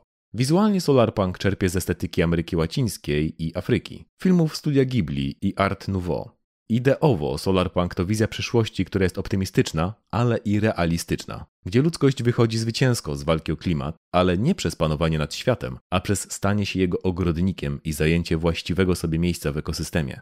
Co ważniejsze, to nie jest żadne reakcyjne odrzucenie nowoczesności i powrót do małpy, tylko świat, gdzie mamy wysoką technologię, ale ona też zajmuje właściwe miejsce. Staje się harmonijnym elementem życia zarówno planety, jak i społeczności. Solarpunk to pasterz, który używa analizy zdjęć z powietrza i dronów, aby przegonić owce na tę część łąki, która wymaga skrócenia. Po czym sam jest w stanie serwisować drony, strzyc owce i zrobić sweter. To wysoka technologia dostępna dla wszystkich, ale używana tylko tam, gdzie jest potrzebna. To świat, w którym nie musimy być ani poddani przyrodzie, jak ludzie przednowocześni, ani z nią walczyć, jak ludzie nowocześni czy Kurzgesagt, bo możemy zwyczajnie współpracować. Aby jednak osiągnąć taki świat, potrzebny jest bunt przeciw temu, co jest teraz. Tak, Solarpunk jest do szpiku kości polityczny. Tak bardzo, że ma swój własny manifest, więc zacytujmy z niego. Punk w Solarpunku mówi o rebelii, kontrkulturze, postkapitalizmie, postkolonializmie i entuzjazmie. Ale zamiast gadać po próżnicy, zestawmy go sobie z jego największym wrogiem, czyli ekomodernizmem, a zrobimy to przy pomocy tych sześciu punktów krytyki manifestu ekomodernistycznego, o których mówiliśmy niedawno. Siódmy punkt wykreślimy, bo tu nie będzie mieć odniesienia. Manifest zakłada, że wzrost jest czymś naturalnym. Solarpunk zamiast wzrostu stawia na trwałość i mówi wyraźnie: aby żyć dobrze, nawet bardzo dobrze, nie potrzebujemy więcej. Potrzebujemy tylko mądrze to rozdzielić. Przykładowo, nie musimy się wyrzekać smartfonów. Wystarczy, że wyrzekniemy się takich smartfonów, które trzeba wymieniać co dwa lata. Ekomoderniści wierzą w rozprzężenie wzrostu i wpływu na środowisko. To chyba nie musimy komentować. Czy technologia jest problemem, czy rozwiązaniem? Ekomoderniści nie mogą się zdecydować. W Solarpunku sama technologia nie jest rozwiązaniem, choć też bez niej rozwiązanie nie jest możliwe. Oto jak używamy już istniejącej technologii jest o wiele ważniejsze od tworzenia nowej, bo inaczej ta nowa będzie równie destruktywna. Dodatkowo Solarpunk nie ma problemu z rozwiązaniami prostymi tam, gdzie wystarczą. Ekomodernizm nie jest zbyt eko. Tymczasem samą podstawę rozumienia świata przez Solarpunka są granice planetarne, wewnątrz których musimy się zmieścić. Manifest ma wąski, nietrafny i wybielony obraz nowoczesności i rozwoju. Solarpunk nie przedstawia jakiejś centralnej wizji rozwoju czy nowoczesności. Wręcz odwrotnie. Pomysły powinny pochodzić z dołu i być dostosowane do miejscowych warunków klimatycznych i kulturowych. Próba opracowania np. standardu budowy pasywnych domów, które nadawałyby się zarówno do strefy suchej i chłodnej, jak i zwrotnikowej, to z perspektywy solarpunka strata czasu i wysiłku. Podobnie Solarpunk nie postuluje jakiegoś jednolitego modelu rozwoju. Hydroponika czy rolnictwo regeneratywne? Czemu nie oba, w zależności od miejsca. Ekomodernizm podchodzi protekcjonalnie do społeczności przedprzemysłowych, rolniczych, nieuprzemysłowionych i globalnego południa. Tu znów zdecentralizowany Solarpunk podchodzi odwrotnie. Należy blisko przyjrzeć się tym społecznościom, zwłaszcza rdzennym. Skoro potrafiły żyć tysiące lat w zgodzie z ekosystemem, to może mają pomysły, które będziemy w stanie wykorzystać.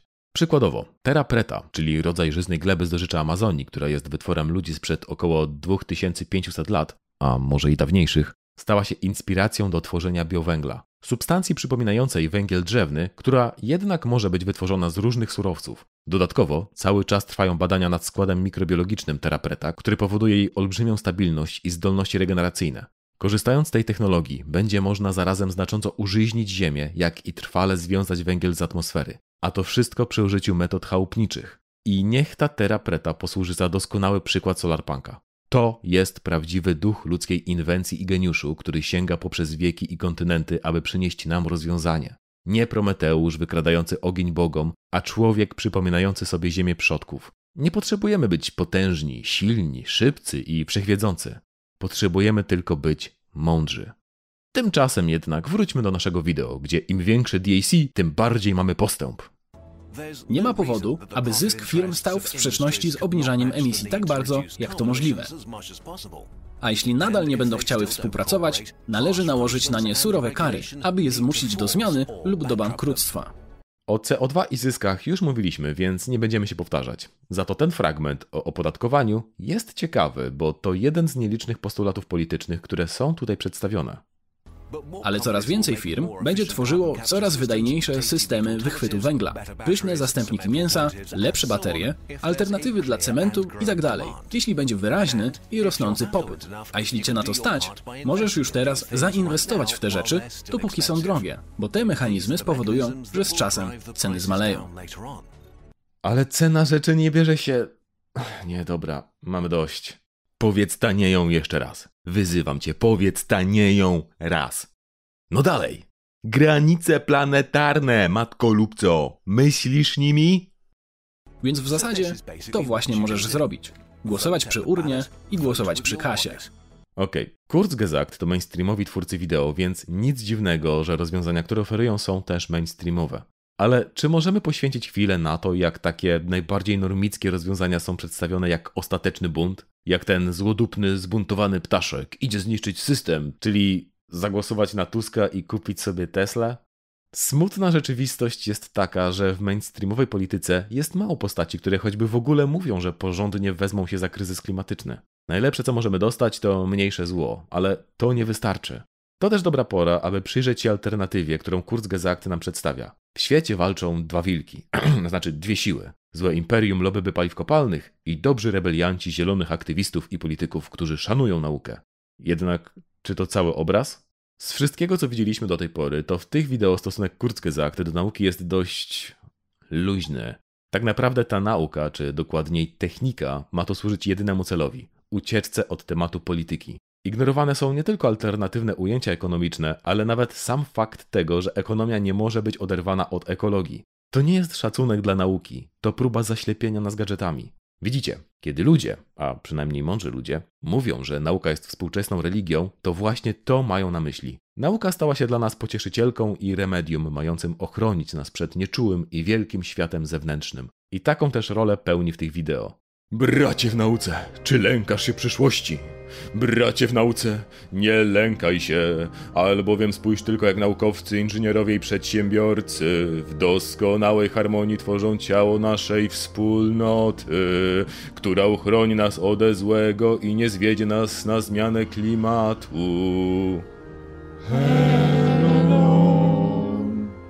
Z nauką ma to tyle wspólnego, co fantazja z połowy zeszłego wieku, że w roku 2000 ludzkość będzie jeść cały posiłek w kilku pigułkach. Współczesna nauka zajmuje się badaniem różnych złożoności, podczas gdy Kurzgesagt chciałoby je po prostu zaorać. No dosłownie, jeśli mowa o tak zwanym nowoczesnym rolnictwie. Zalać betonem, najlepiej niskoemisyjnym, i pobudować na nim instalację do wychwytu CO2 z powietrza. Ta ich wizja przyszłości jest cholernie anachroniczna, jakby wymyślali ją biznesmeni z lat 80. czy 90. Oczywiście to nie jest prawdziwa nauka, ani nawet porządne popularyzatorstwo naukowe. A zwyczajna propaganda, która, jak to zwykle propagandy, ma służyć celom politycznym, czyli tu ucieczce od polityki. Tyle, że od polityki nie da się uciec, więc jedyne przed czym się ucieka to zmiany. Dlatego w rzeczywistości to pochwała systemu panującego od lat 80., czyli neoliberalizmu. Najkrócej ujmując to fundamentalizm rynkowy, czyli skupienie się na rynkach, wzroście i prywatyzacji kosztem sfery publicznej, która też powinna być przekształcona według logiki rynkowej. No, mamy może taki neoliberalizm plus, gdzie państwo może ingerować i opodatkować jedne branże gospodarki, aby dofinansować inne, ale nie ma wprowadzać żadnych programów socjalnych, ani redystrybucyjnych, ani nawet opodatkować najbogatszych, choć to oni emitują najwięcej. I jeśli zastanawiasz się czemu, to właśnie docieramy do kluczowego momentu wideo, kiedy wszystko stanie się jasne. Bo teraz, po końcówce wideo, nadchodzi reklama. Chcecie wiedzieć jaka? To wideo jest sponsorowane przez Gates Note, osobisty blog Billa Gatesa, na którym omawia zdrowie publiczne, zmianę klimatu i inne zagadnienia. I teraz widać, dlaczego wideo wygląda jakby zostało napisane przez jakiegoś korposzefa z lat 90. Mianowicie zostało napisane przez korposzefa z lat 90. Oczywiście nie popadajmy w teorie spiskowe. To nie jest tak, że Gates zmusił autorów do tej treści. Kurzgesagt mają cały artykuł na temat tego, jak przyjmują sponsorów i że to oni muszą mieć ostateczne słowo w kwestii scenariusza. I jak najbardziej im wierzymy. Po prostu są sponsorowani przez Gatesa właśnie dlatego, że się z nim zgadzają. Okej, okay, jak już nie musimy niczego ukrywać, to porozmawiajmy szczerze. Całe wideo męczyliśmy się nie wychodzić za bardzo przed szereg i trzymać się tego, co komentowaliśmy. Ale z perspektywy ekspertów, nie ekonomistów czy miliarderów, tylko ekspertów środowiskowych, wszystkie rzeczy, które komentowaliśmy, są zapóźnione o jakieś 20-30 lat. Narzuca nam się postać Petera Isherwella, miliardera filantropa z filmu Nie patrz w górę. Kiedy w stronę Ziemi pędziła kometa, która miała ją zniszczyć, Isherwell uznał, że jej zawartość mineralna to niebywała okazja dla gospodarki, więc należy zrezygnować ze sprawdzonych metod zniszczenia komety i zamiast tego wydobywać surowce z niej przy pomocy wysoce wyspecjalizowanych dronów. Kiedy naukowcy wypominali mu problemy w tym planie i jego niepraktyczność, byli zwalniani jako ludzie o wąskich horyzontach. Podobnie tutaj nauka jest traktowana jako podrzędna wobec wzrostu ekonomicznego. Najbardziej rzuca nam się to w oczy w przypadku wideo o geoinżynierii, również Kurzgesagt, również sponsorowanym przez firmę Gatesa. Skupia się ono głównie na tzw. Tak SAI, Stratospheric Aerosol Injection, czyli rozpalaniu aerozoli do atmosfery, aby obniżyć ilość promieniowania słonecznego, które dociera na Ziemię, tymczasowo sztucznie obniżyć temperaturę i dać nam czas, aby uporać się ze zmianą klimatu. Wniosek jest taki, że to strasznie zły pomysł, ale może będziemy musieli go zrobić. Tymczasem zdecydowana większość ekspertów środowiskowych, z wyłączeniem tych, którzy aktywnie badają geoinżynierię, jest zdecydowanie przeciwko, bo za mało na ten temat wiemy. Wideo podsumowuje to jako krótkowzroczne i zaznacza, że już prowadzimy taki eksperyment w postaci emisji CO2. Jakby to miało coś udowodnić. Jak nie trudno się domyślić, Gates sponsoruje badania nad geoinżynierią co najmniej od 2007 roku. Jak już mowa o sponsorowaniu, to te 600 dolarów za tonę sekwestracji węgla to cena właśnie dla niego, bo sam jest jednym z większych inwestorów w Climeworks i Carbfix. W swojej książce nawet chwali się, że nie zna nikogo, kto inwestowałby więcej w tę branżę. Podobnie ma się sprawa z Breakthrough Energy, czyli funduszem, który ma inwestować w zieloną energię. Pamiętajmy jednak, filantropia jest u niego na drugim miejscu, a na pierwszym dalej biznes. Na pewno kojarzycie go jako twarz używaną przez szurów w kampanii antyszczepionkowej, bo przecież nikt nie był bardziej za szczepionkami niż Gates. A pamiętacie fragment o szczepionce Oxfordu, która miała być ogólnodostępna, a została opatentowana po interwencji pewnej organizacji charytatywnej? Tak, mówiliśmy o fundacji Billa i Melanie Gatesów. Gates generalnie znany jest w świecie zdrowia publicznego jako wielki zwolennik patentów, bo sam jest osobą, która zyskała prawdopodobnie najwięcej na prawach własności intelektualnej. Aby zrozumieć czemu, musimy cofnąć się do historii założonego przez niego Microsoftu, gdzie wybił się na, no, mało etycznych praktykach biznesowych. Opiszmy tylko jedną. Microsoft zupełnie przegapił pojawienie się internetu, a gdy dominującą przeglądarką był Netscape Navigator, płatny, jak większość oprogramowania w tych czasach, Microsoft stworzył Internet Explorera bazując na kodzie przeglądarki firmy Spyglass Incorporated w zamian za część dochodów ze sprzedaży. Korzystając z najlepszych praktyk biznesowych lat 90., Gates rozdawał Internet Explorera za darmo. Konkurencję wykończy, kontrahenta wyrolował i mógł zająć się tym, z czego Microsoft był wtedy znany, czyli taktyki przyjmij, rozszerz i zaduś. Serio, tak ją nazywali wewnętrznych dokumentach. Przyjęcia jakiegoś obowiązującego standardu, rozszerzenia go w sposób, który wiązał użytkowników z produktami Microsoftu i zniszczenia wszystkich innych implementacji. W latach 90. i wczesnych zerowych Microsoft był wręcz kreskówkowo złą korporacją. Więc to nie tylko korposzef, a wręcz finałowy boss wszystkich złych korposzefów. Wcześniej wspominaliśmy o jego książce. Tak, czytaliśmy w ramach researchu do tego wideo, jest mniej więcej taka jak te wideo, tylko gorzej. Połowa dobrych pomysłów, połowa rażących braków z lekką posypką odklejonych pomysłów. Na przykład jednym z dwóch proponowanych rozwiązań marnowania żywności są inteligentne kubły, które skanują to, co do nich wrzucamy i pokazują ślad węglowy. Nie, to nie jest sketch. To naprawdę tam jest. Ciekawe też jest, jak mało uwagi poświęca pociągom w porównaniu z nową generacją biopaliw do odrzutowców? A, no tak, bo jest jednym z właścicieli Signature Aviation, największego światowego operatora prywatnych odrzutowców. Przy tym wszystkim to, że inwestuje w tak często pojawiające się w tych wideo alternatywy dla mięs, wydaje się wręcz błahostką. Ale, ale, jest jeszcze jedna rzecz, w którą Gates inwestuje. No, dwie. Nie zaskoczy Was pewnie, że ostro inwestuje w Kurzgesagt. Już w 2015 roku zainwestował 570 tysięcy dolarów w informacje na temat zdrowia i szczepień. Wideo związane z klimatem sponsorowane są przez inne podmioty kontrolowane przez Gatesa. Zaś drugą jest samo Our World in Data, które współpracowało z Kurzgesagt przy tworzeniu tego wideo i innych. Więc mamy radosną bańkę medialną ludzi klepiących się po plecach, sponsorowaną przez jednego z najbogatszych ludzi na planecie oraz te wideo, które są w zasadzie jedną wielką reklamą dla niego. Okej, okay. Wystarcza rozwiązań dosłownego boomera jednego z najbogatszych ludzi na świecie, który w obliczu kryzysu klimatycznego wreszcie odkrył, że w sumie to rząd może być czasem dobry. Dokładnie, kiedy może dofinansować ciebie i wykończyć twoją konkurencję. Co my możemy wyciągnąć z tego wideo? Podstawowy wniosek to, że nie ma nieideologicznych rozwiązań kryzysu klimatycznego. Są po prostu rozwiązania wspierające obowiązującą ideologię nieskończonego wzrostu i podtrzymującą historyczny wyzysk człowieka przez człowieka czy natury przez człowieka. Po prostu nazywa się ją ludzką chciwością i obsesją na punkcie krótkoterminowego zysku. A to, że powstają takie wideo, oznacza, że ta ideologia przestaje już być tak oczywista. Dlatego możemy znaleźć nadzieję gdzie indziej. I nie będzie to ślepa kapitalistyczna nadzieja, że to postęp rozwiąże nasze problemy i nic nie będzie musiało się zmienić. Nasza nadzieja może leżeć w przyszłości. Dlatego wspominaliśmy o solarpunku, bo chociaż jest nurtem abstrakcyjnym, to zyskuje coraz szersze poparcie. Teraz możemy podać swoją opinię, ale mamy większe wyzwanie niż Kurzgesagt, a to przez jedno dziwne zjawisko. Gdyby w szkole pani zapytała dwójkę dzieci, ile to jest 141 razy 79 i Jacek odpowie nie wiem, a Agatka, że 4, to pani pewnie ją pouczy, że nie wypada zmyślać. Niestety w świecie rzeczywistym bywa zupełnie odwrotnie, przynajmniej dla pewnego typu umysłu politycznego. Jaś usłyszałby, no widzisz, ty to nie wiesz, a Agatka miała przynajmniej jakąś odpowiedź i ty jeszcze masz czelność. Tak samo jest z tymi wideo.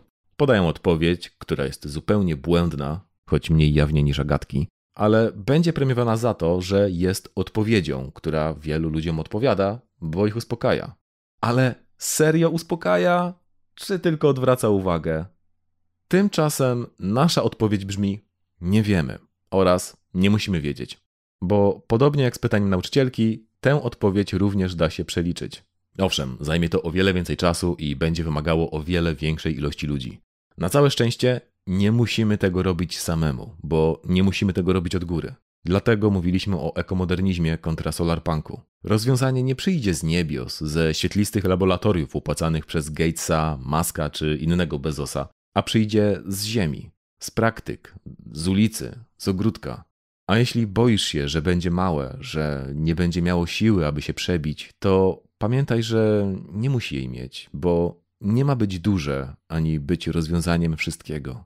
Bo kryzys klimatyczny to nie jest jakiś monolit, który musimy ciosem rozłamać na pół, tylko olbrzymia sieć powiązanych problemów, a rozwiązania wielu z nich są codzienne i drobne. Nie, nie namawiamy bynajmniej do głosowania portfelem, bo ono ma wszystkie minusy normalnego głosowania i jeszcze trochę, a bardzo mało plusów. Ale to osobny temat. Namawiamy Was, abyście skontaktowały i skontaktowali się z ruchami miejskimi, protestami klimatycznymi, grupami permakultury czy nawet organizacjami walczącymi o sprawiedliwość społeczną. bo to ostatnie będzie potrzebne, żeby nie powtórzyć sytuacji z francuskimi zielonymi kamizelkami. Jest mnóstwo możliwych rozwiązań poza badaniami naukowymi i głosowaniem.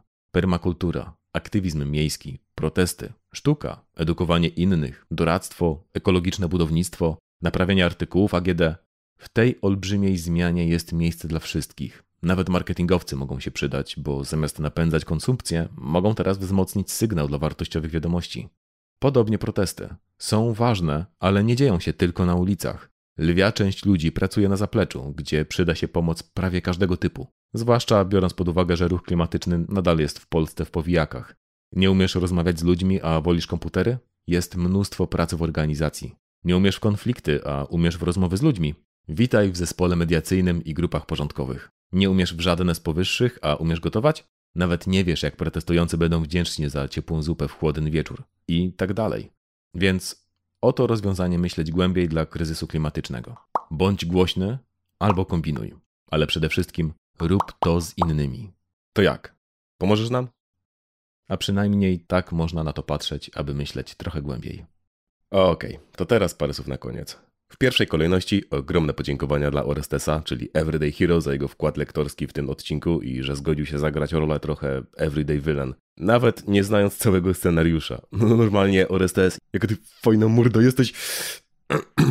w każdym razie, Stworzenie tego materiału kosztowało nas obu mnóstwo czasu i researchu. Mimo, że trwa tyle co dobra animacja Pixar, to i tak mamy wrażenie, że powiedzieliśmy w każdym momencie co najwyżej 20% z tego, co byśmy chcieli. Więc jak chcecie, abyśmy rozwinęli jakiś temat, dajcie znać. Może uda nam się to zmieścić w pogadance. Tak, w pogadance, a nie QA, ale spokojnie, pamiętamy o nim i jest kolejne w planie.